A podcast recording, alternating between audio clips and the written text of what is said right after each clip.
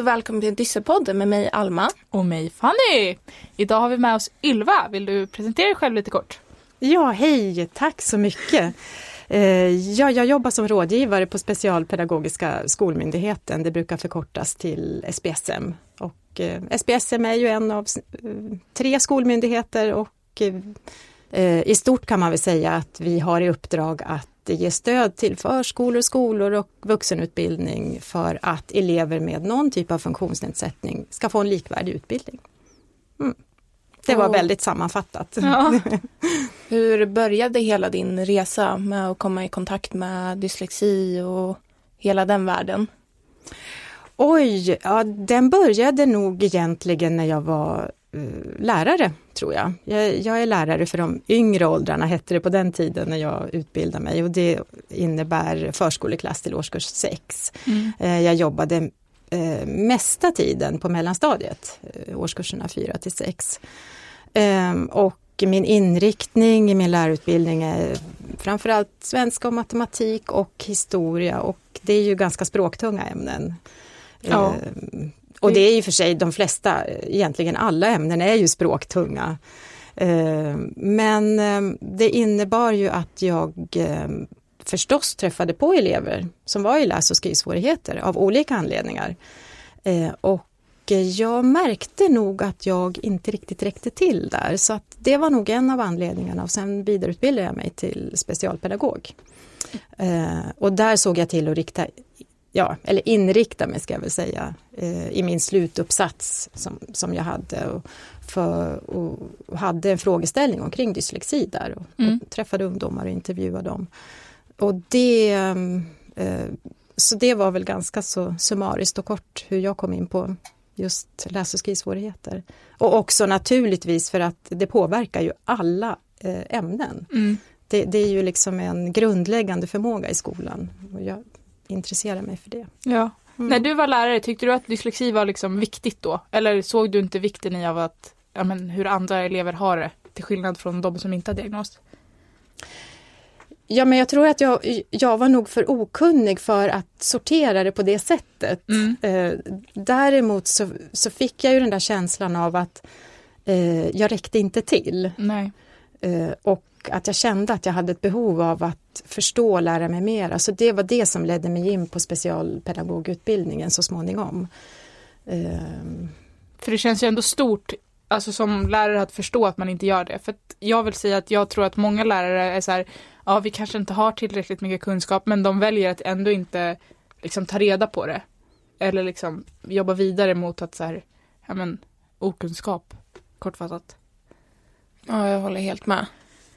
Eh, men vad är det viktigaste du tycker att lärare behöver veta om dyslexi när du ser tillbaka nu? Um, ja, på, på något vis så blir det viktigt um, och tänka att lärare, en lärare är ju en del av en hel organisation. Mm. Uh, och som lärare är man ju beroende av att den här organisationen fungerar och stödjer mig. Liksom jag ska hjälpa en elev att få stöd i klassrummet så behöver jag som lärare få hjälp och stöd av min organisation. Så jag tänker att det är nog det jag främst kanske skulle ha velat haft stöd med då. Mm. Ehm, att det fanns mer kompetens i elevhälsoteamet och eh, och det här var ju också, det här var ju ganska länge sedan jag jobbade, eh, märker jag nu när jag sitter här och pratar, men då fanns ju inte de här eh, allmänna råden och riktlinjerna specifikt mot extra anpassningar och särskilt stöd. Nej.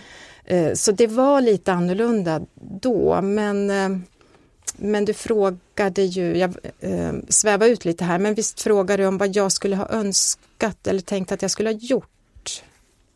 Ja, vad lärare behöver veta. Alltså om du hade fått ge, gett ett tips till dig själv när du var lärare, vad hade du gett då? Ja, men jag hade nog tipsat mig själv om att eh, läsa på. Mm. Eh, och det finns ju ingen möjlighet som lärare att, att eh, sätta sig in i i dyslexi som funktionsnedsättning grundligt. Men, men att läsa på och och eh, kanske få syn på lite, lite specifika kännetecken för det hade ju gjort att jag hade kunnat vara mer uppmärksam. Ja. Eh, och blivit mer orolig och i det läget så, så hade jag nog eh, föreslagit mig själv då att snabbt ta kontakt med rektor och elevhälsoteam för att bolla frågan. För det, det är alltid bra att, att prata med andra och se, ja men hur ska vi göra då? Mm. Hur kan vi gå vidare? Vem kan vi ta hjälp av?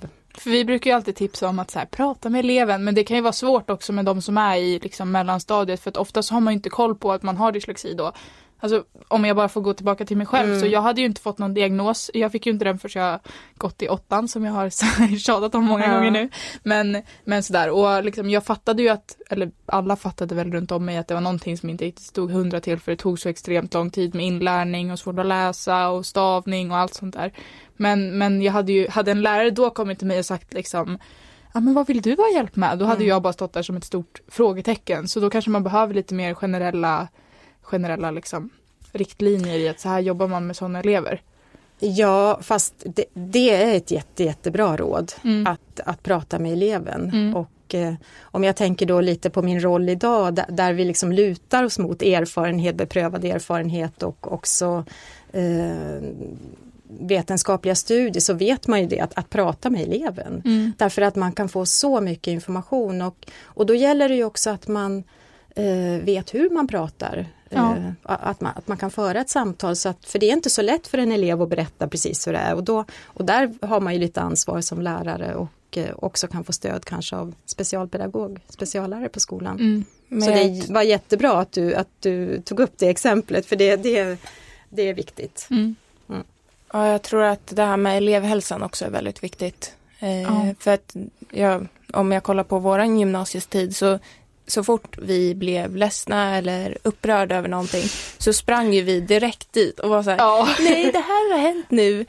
Och då fick vi ju jättemycket stöd av mm. just våran skolsköterska där. Ja, som hjälpte oss också att här, ta vidare det med skolan och sådär. Men vi hade ju det lite kämpigt med att vi inte kände att folk faktiskt lyssnade på oss. Mm. Alltså för att när, när vi jag och Alma hittade varandra så tjatade vi oss igenom vår dyslexi tillsammans. Alltså vi mm. liksom så här, ja men vi var ju skrek på våra rektorer och på lärare och specialpedagoger var så här, det måste hända någonting, det funkar inte. Eh, och sen hände det väl kanske inte så mycket man hade hoppats på, men vi hade ju ändå liksom elevhälsan som stöd och hade alltid dem med oss i, i det vi gjorde. Och det är väl viktigt att veta att de, de finns där för oss med diagnoser också, kan väldigt mycket om diagnoser även om man tror att ja, men de tar hand om de som mår dåligt eller som har skadat sig. Men man kan få väldigt mycket stöd från, från dem. Så mm. det vill vi också föra med. Mm. Ja, och jag tror att innan vi träffade varandra och kunde gå till elevhälsan själva liksom, eh, då tror jag i alla fall jag att jag tappade ganska mycket av min självkänsla i att, alltså jag gav upp lite på mig själv att mm. säga, nej men det här går inte och jag förstod inte min dyslexi och det var bara väldigt, väldigt jobbigt på den biten. Rörigt. Ja, eh, så har du några erfarenheter av att se elever som har gett upp lite med dyslexi och hur man som lärare ska göra för att plocka upp dem igen? Ja, ja men jag har erfarenhet av det och eh, det, den erfarenheten grundar sig ju främst i från den tiden jag arbetade som specialpedagog. Mm. Eh, jag arbetade på, liksom på lite olika typer av tjänster, en central elevhälsa och eh, vid något tillfälle på en specifik skola och eh, också som övergripande så att jag liksom hade ansvar för att eh, träffa olika skolors elevhälsoteam och då kunde det ju vara både mm, låg och mellanstadium men också högstadie. Och då ingick det i mitt eh, arbete att göra pedagogiska utredningar av läs och skrivsvårigheter. Jaha. Ja, så det var ju, och det var ju eh, väldigt utvecklande för mig personligen. Men, men i det så planerade jag ju alltid för att ha ett, ett samtal med eleven och eh, elevens vårdnadshavare. Mm. Eh, lite beroende på, ibland tillsammans, men, men ofta separat. Och i de samtalen så har jag träffat många elever som, som ja, berättar precis det, det du beskriver här, Alma. Att det tar på självkänslan när man inte kan läsa och skriva och inte bli sedd och inte bli förstådd. Mm. Och det, det, är lite det som jag tänker på det här när jag ger mig själv rådet med kompetensutveckling. Att ju mer man kan, desto bättre förmåga har man ju att möta och förstå en elev. Mm. Uh, och det, det är betydelsefullt för att skapa goda relationer helt enkelt. En annan sak som är väldigt viktig för självkänslan och som egentligen inte borde hamna så här långt ner på din fråga, eh, det är ju att man eh, eh, gör sig mån om att se styrkor hos eleven. Och, och, och i det sammanhanget hjälper eleven att själv få syn på sina styrkor. För att när man har hamnat eh, i det läget att man har låg självkänsla och inte tycker att man förstår lika bra som andra kanske, Eh, då behöver man ju stöd i det också. För, för då kanske man tappar det att man inte ser vad man, vad man är bra på och det vet ju säkert ni själva eh, hur mycket som ni är bra på. I vissa saker så blir man ju till och med bättre än andra på därför att man mm. måste liksom skärpa sin till exempel eh, hörförståelse och eh, det är ju en viktig förmåga och eh, man brukar ju prata om att förmågan att ta till sig text snarare än att kanske läsa text. Ja. Eh, så det vill jag verkligen betona så här i slutändan på den frågan. Mm. Och vi kan ju sticka in våra egna styrkor. Sådär. Ja. Lite intressant att veta för andra som kan jämföra sig. Vill du dra? Vad är du duktig på Alma? Jag tänkte mer säga att när jag har suttit bredvid dig på genomgångar. Oh, du blir galen på mig. Ja, hon plockar upp allt som läraren säger. Och kan allt efter lektionen. Och det är så här, vad hände? Jag, jag kunde liksom inte riktigt koncentrera mig där under hela genomgången medan du har med dig varenda liten punkt. Mm. Ja men jag lär ju mig väldigt så, alltså jag har lärt mig det också att mitt sätt att lära mig det är genom att se och få höra. Att liksom så här, ja men till exempel i en presentation så ser man en bild och det kan vara en bild på vad som helst men jag kan ändå sätta upp den bilden i huvudet och koppla det till vad läraren sa. Så det kan ju liksom vara så här, ja ah, vi pratar om eh, vad som helst. Eh, Eh, vi tar eh, någon historia-grej liksom, så är det någon bild på någon kung. Och bara att jag har den bilden på kungen i mitt huvud så kan jag vad han heter, när han är född, vem, när han, alltså sådana där grejer liksom. För att jag, det är så jag lär mig. Och Alma har ju blivit galen i det att så här, fan du behöver ju aldrig plugga. För att, för att så lär jag mig. Eh, och sen jag har ju också med mig problemlösning. Alltså det har jag alltid varit en fena på, hitta, hitta lösningar på problem. Och jag tror att det handlar om att ja, men som dyslektiker så sätts jag i väldigt många problematiska situationer som, som jag måste lösa och jag måste se många lösningar på för att så här, hitta vilken som är bäst och vilken som går lättast. Så här, men, men får jag en text till exempel då kan det ju vara där, ja, många olika problem, alltså sätt att lösa det på för att texten blir ett problem för mig. Ska jag läsa den själv? Det kan vara jobbigt men det kanske är det bästa. Ska jag lyssna på den? Ska jag be någon annan läsa den? Sådär liksom. Du då? Jag vet faktiskt inte. Vad du är bra på? jag, nej men alltså jag har tänkt på det. Vad, vad jag har fått med mig av dyslexin. Och jag har inte riktigt tänkt på något speciellt. Alltså allt med dyslexin är ju naturligt för mig. Och jag har inte tänkt mer på att jag har blivit ljudkänslig. Alltså jag har inte kommit på något mer än att jag tycker att du har ett väldigt stort ordförråd. Det tror jag att du har fått med dig. Ja, eh, de flesta brukar ju vara sämre på just mm. ord på, med dyslexin. Men jag tror att jag har ändå fått eh, läsa så mycket så att jag har kommit upp till en normal nivå. Ja. Eh, men sen kommer jag ihåg på mina text, tester som jag gjorde till när jag gjorde utredningen. Ja, ditt minne, det där. Ja, arbetsminnet. Just det. det var väldigt bra. Ja. Eh, så det var ju roligt att få, för det är ju inget i vardagen som man märker. Men det är ju roligt att få det bekräftat att vara så här, men du hade jättebra arbetsminne. Vissa mm. kommer ju ens inte ihåg två siffror i rad. Mm. Nej. Eh, och jag kunde komma ihåg sex siffror baklänges. Mm. Så det var svinkul. Ja det är lite skönt faktiskt om man behöver komma ihåg någonting så är det bara att säga det till Alma. Eller någon sån här siffergrejer liksom. Mm. Jag tänkte också fråga Alma. Eh, att tappa självkänsla, det har ju både du och jag gjort. Vill du prata lite om hur du tog det ur det? Jag tror att det mesta var ju för att jag hittade någon annan som var precis likadan. Mm. Eh, men sen en annan stor del var att jag, vi tog, tog våra papper till våran, var det speciallärare? Ja, eh, specialpedagog eller speciallärare, jag vet inte exakt vad man säger. Som sa att det här är ni bättre på och det här har ni svårare för. Och då kunna inse, nej men jaha, jag behöver den här hjälpen. Och den har inte jag riktigt fått. och då kunna känna att nej, men jag förstår mer och jag kan Mm. göra längre texter utan att jag blir helt slut. Mm. Eh, så det är väl sådana saker att förstå sin egna diagnos som Ja. har gjort det. För det är ju väldigt svårt eh, när man får sin alltså, utredning. Jag vet att vissa, vi har ju pratat med specialpedagog, eller vad heter det, eh, logopeder. Och hon sa att vissa har ju så här eftermöte. Att så här, så här funkar din diagnos och vissa får ju bara papperna i handen. Jag fick bara papperna i handen. Och när det står på Stenine-skalor och allt sånt där så vet man ju inte vad det betyder. Alltså man vet ju ingenting. Så det är verkligen en viktig grej att så här, ta era papper och gå till någon som kan. För att de kan förklara väldigt mycket för er.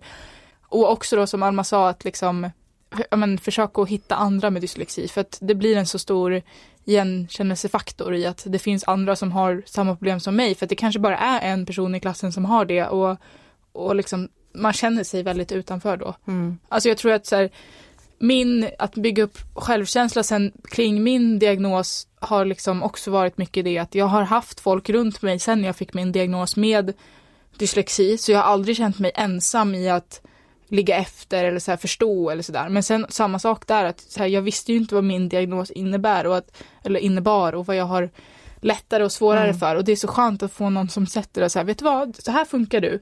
Eh, det här är dina svårigheter, du, du måste kämpa mer med det här och eh, men i mitt fall så är det, har jag väldigt svårt för liksom andra språk. Att inlärning till andra språk är hos mig liksom sådär totalt jättesvårt. Och det kan ju vara för att jag har blivit inlärd på fel sätt, att de har försökt lära in engelska till exempel hos mig på ett sätt som inte jag kan ta till mig.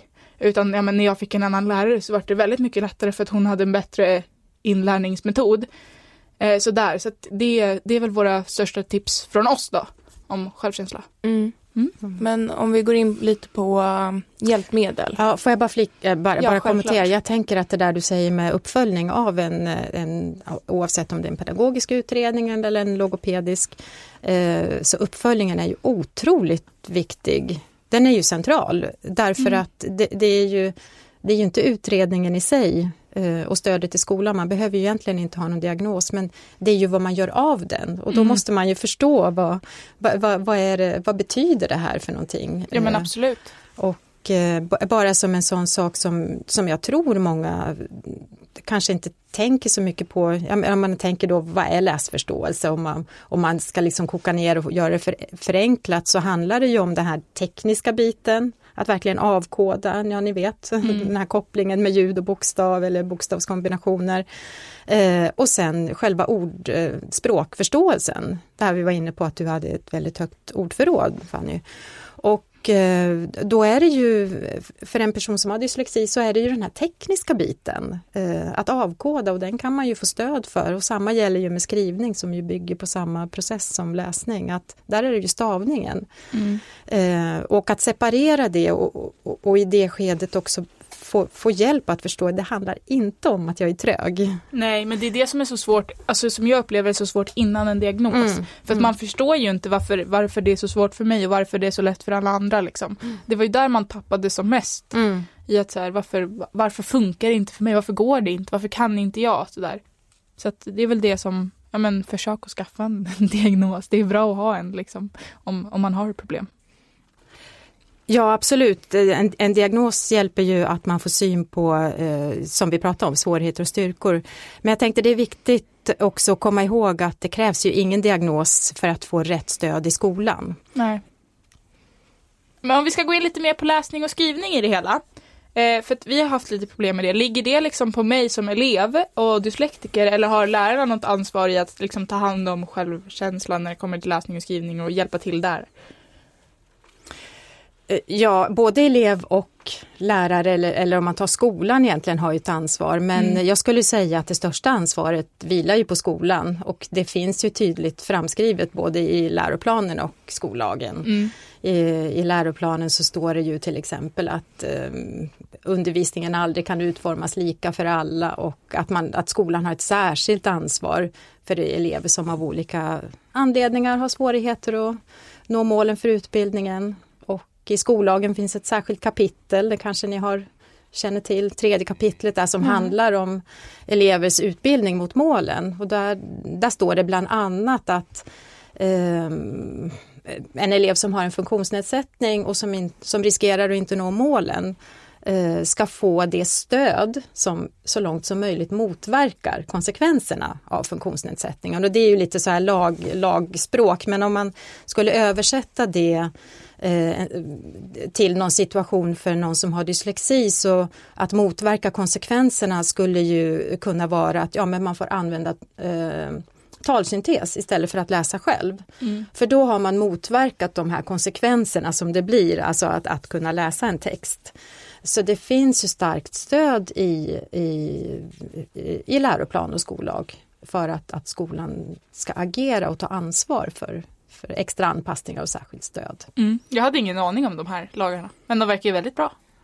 Ja, ja. jag tycker att eh, oavsett om man har en diagnos eller inte så ska man ju få hjälp för att jag menar alla har ju olika styrkor och svagheter fast mm, man inte har det på pappret. Om, eh. om skolan inte sköter det här då? Hur gör man då?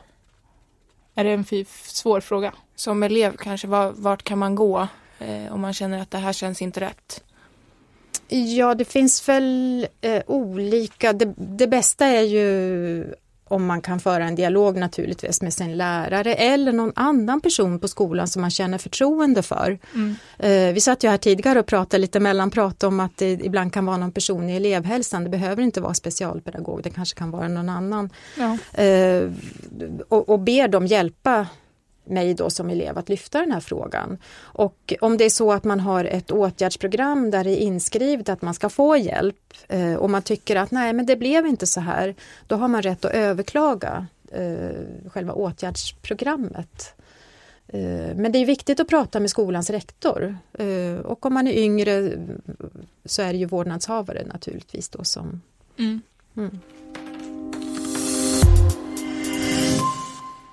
Men dyslexi kan ju också se väldigt olika ut för både läsning och skrivning, hur, man, hur olika svårt man har det. Som mig och Fanny. Jag tycker att det är svårt att läsa medan du tycker att det är väldigt mycket lättare att läsa vad jag upplevt det som. Ja, alltså jag har väl generellt lättare för att läsa än vad du har. Och speciellt när det kommer typ till högläsning, att det blir inte riktigt lika hackigt för mig som det kan bli för dig. Men sen har jag mina olika dagar också. Mm, Vissa dagar är jag ju otroligt mycket bättre än andra dagar. Mm. Eh, så vissa dagar förstår man ju faktiskt vad, vad jag försöker få fram i min läsning. Ja. eh, och sen skrivningen, ja, den tycker jag ändå är allmänt svår hela tiden. Mm. eh, och hålla, vad är det, röd tråd och... Ja, det är väl mer meningsbyggning. Alltså du är ju duktig på att producera text. Det kan vi inte säga någonting om. Du kan ju få ut mycket text. Men, men du kan ju ha lite problem med meningsbyggnader och få in punkt och och stora bokstäver och lite sådana grejer. Ja, och jag vet inte vart, vart allt ska vara Nej. för att få, inte att det ska bli så här hoppigt. Eh, men det är där vi har våra verktyg till hjälp. Ja, eh, och det var det vi tänkte fråga lite. Vilka verktyg föreslår du för just skrivning? Ja, men det är ju en viktig fråga som ni tar upp är att eh, just skrivning eh, det, det bygger ju på samma process som läsning. Eh, det här att koppla ihop och förstå eh, eh kopplingen av ljud, bokstav där.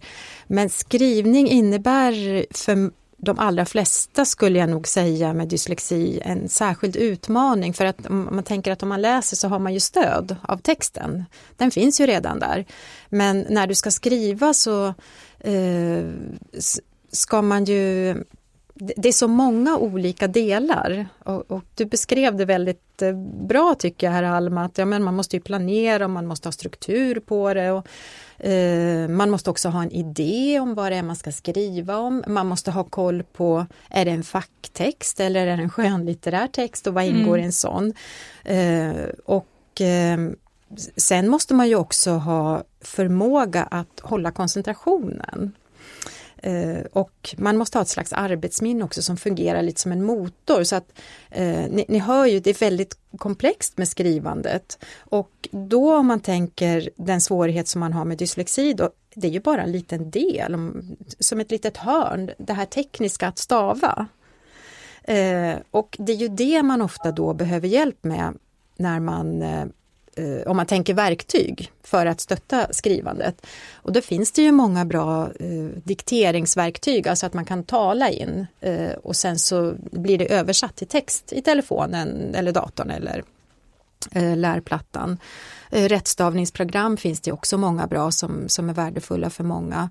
Men sen om man tänker på det här då när man ska skapa texten och ibland så kan det vara så eh, om man har dyslexi att man har, man har ett gott ordförråd eh, men det tar lite längre tid att plocka fram dem och då finns det verktyg som kallas för ordpredikation, har ni säkert stött på båda två. Eh, ett synonymlexikon, synonymlexikon digitalt kan också vara bra. Men sen kan det också vara väldigt värdefullt eh, att få stöd från sin lärare eller en kamrat att strukturera upp det i form av mindmaps eller någonting. Mm. Då får man hjälp med den här strukturen och så plockar man in alla de här bitarna. Eh, och då är ju ehm, eh, de digitala verktygen, det finns, finns många bra. Men jag, men jag tänker att just diktering och tal, eh, rättstavningsprogram är en god hjälp. Jag vet inte riktigt vad ni har för erfarenhet av just dem. Ja, jag tror att jag tyckte att det var jätteskönt att kunna sitta och prata in texter. Men mm. sen fanns det ju inte alltid möjlighet till att göra det. Men jag kommer ihåg jättetydligt när vi var små. Och så hade vi en bred, brevkompis. Eh, så skulle man ju skriva ett jättefint brev och jag försökte skriva och det var för hand och det skulle vara fint så den andra kunde läsa. Och sen när man fick tillbaka den av läraren som hade rättat den, då var det rött överallt. Och jag tror att där är det jättehjälpsamt nu. Om man ska skicka ett mejl till chefen, då vill man ju inte att det ska vara hur som helst. Eh, så där kan det vara jätteskönt. Mm, eh. Men det är ju olika också för att jag upplever ju att så här, jag gillar inte att tala in mina texter. För att jag vill gärna få, för att lära mig så vill jag gärna få skriva själv, mm. alltså i hand. Eh, för att det blir en kreativ liksom, rörelse och sådär och det är då jag lär mig. Så det är så himla olika. Jag, jag har haft väldigt svårt med att få den röda pennan som vi brukar prata om med att det är jättefjällstavat. Men jag gör det nog gärna, eller sådär. Samma sak som att, ja men du pratar om mindmaps eller liksom tankekartor, att så gör jag ofta när jag skriver liksom än idag. Att så här, eh, men skriver ner vad jag, vad jag vill få med i liksom så här, ah, fem, sex punkter kanske till att börja med och sen skriver jag ut en text som inne, alltså håller alla de där för att först liksom ja, men, få ut från hjärnan vad det är jag vill skriva om och sen faktiskt göra det till en text. Eh, men jag har ju tyvärr inte så mycket erfarenhet av hjälpmedel och haft svårt att ta hjälp av det för att jag fick det erbjudet så sent. Ja. Så jag känner att liksom, nu är det typ onödigt, det tar längre tid att hjälpas av ett hjälpmedel än att faktiskt lösa problemet själv. Mm. Men om man inser att en av sina elever har läs och skrivsvårigheter eller misstänker det, borde man sätta in hjälpmedel eller kan det bli för tidigt i åldern eller hur borde man tänka där? Eh, vi, om jag pratar för SPSM då, det, det gör jag ju, eh, ja men vi vet ju att det är viktigt att sätta in eh, alltså digitala verktyg tidigt och då pratar jag lågstadie. Mm. Men med det så menar jag inte att, man ska, att, att det ska ske på bekostnad av lästräningen och skrivträningen. För det vet man ju också att under de här yngre åldrarna, det är ju då läs och skrivträning ger bäst effekt. Och det är ju av den anledningen som alltså själva målen och inriktningen i lågstadiet, det är ju inriktat på att lära sig att läsa och det som sen övergår till då att, att läsa och skriva för att, att lära. Eh, så att en kombination av eh, att introducera digitala verktyg och för alla, för det är ju också någonting som, som alla har nytta av. Men märker man eh, när det börjar gå ett slag och när de andra, eh, att man får misstankar om att det handlar om läs och skrivsvårigheter eh, i årskurs 2-3 så bör man ju hjälpa den här eleven att kanske få lite mer träning på det. För man måste ju tänka framåt sen också om, om prata om den här kanske brytpunkten mellan trean och fyran när det blir mycket mer textmassor i, i årskurs fyra och uppåt sen.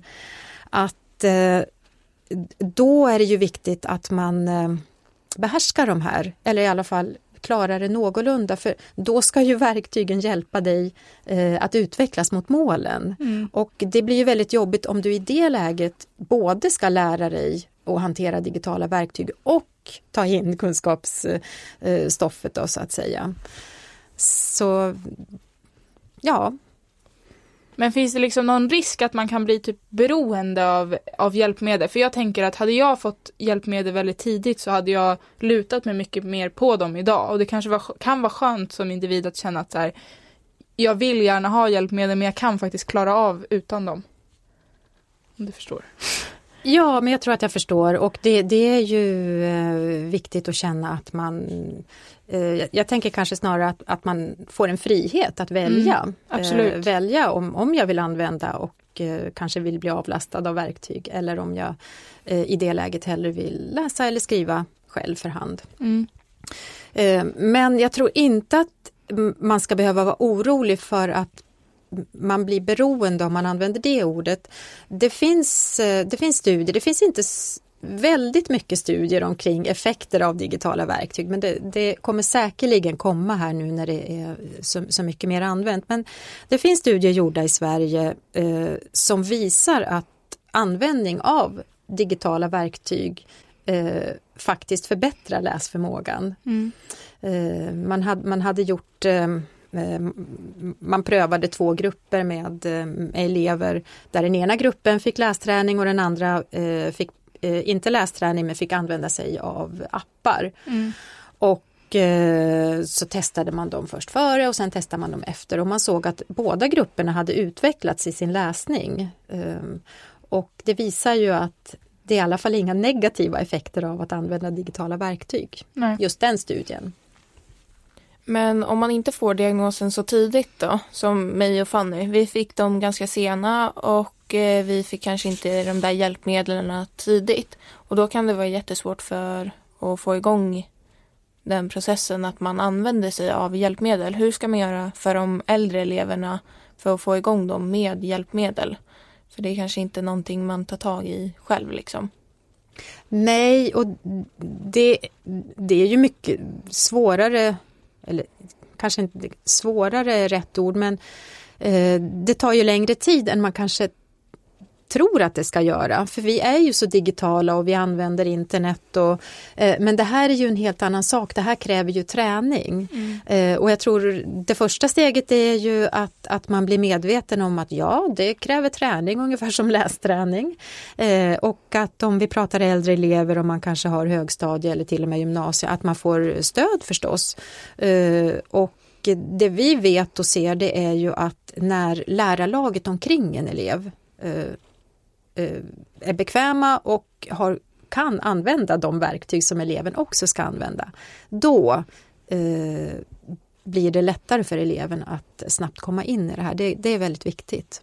Ja, för att jag upplever ju att så här, när man fick, eller när jag fick min diagnos, att så här, ja, jag varit lite påslängd. Här är massa hjälpmedel, men man fick liksom aldrig någon tydlig du använder det här så här i de här situationerna, det här fungerar så här. Alltså där, utan man, man fick dem bara och sen var det liksom, ja men när man frågade lärarna om hjälp så kunde knappt de vad det innebar. Mm. Och det var det som var så, alltså det var därför jag tror att för mig så blev det liksom mm. inte naturligt att börja använda hjälpmedel för att det var svårt för att jag visste inte hur man gjorde liksom.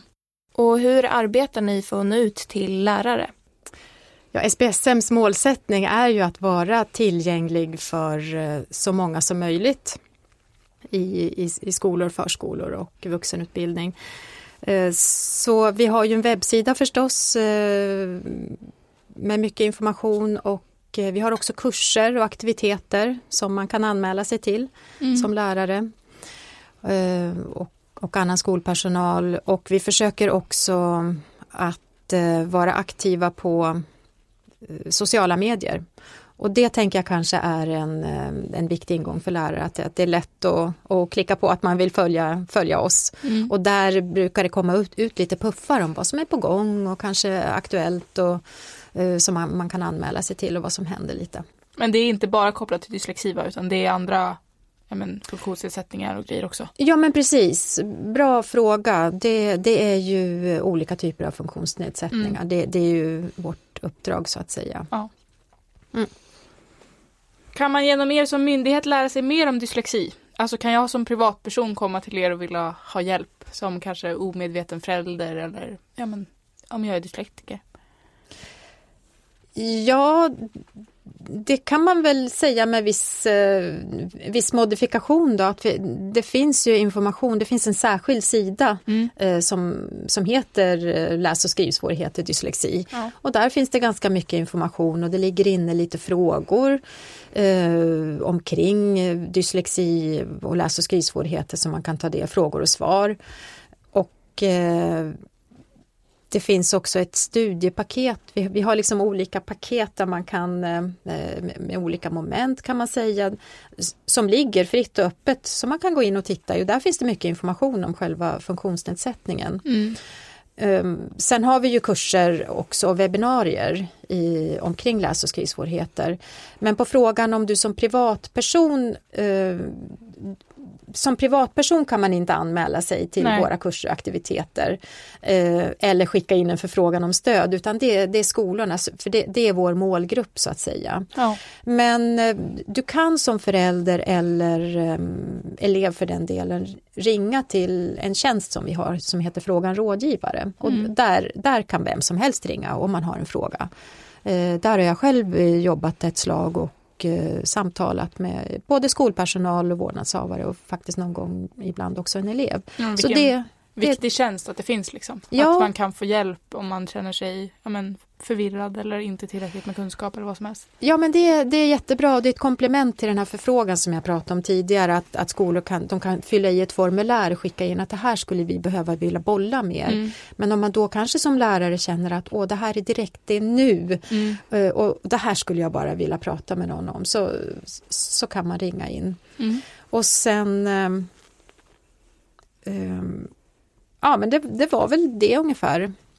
Det var ett jättebra svar tycker jag. Väldigt sammanfattande. Men då får vi tacka Ylva för att du var här och hälsade på oss. Och tack så hemskt mycket för att jag fick komma. Och så får vi säga tack för att ni har lyssnat. Ni kan även följa oss på sociala medier. Där vi heter Dysselpodden. Ja, tack och hej! Hej!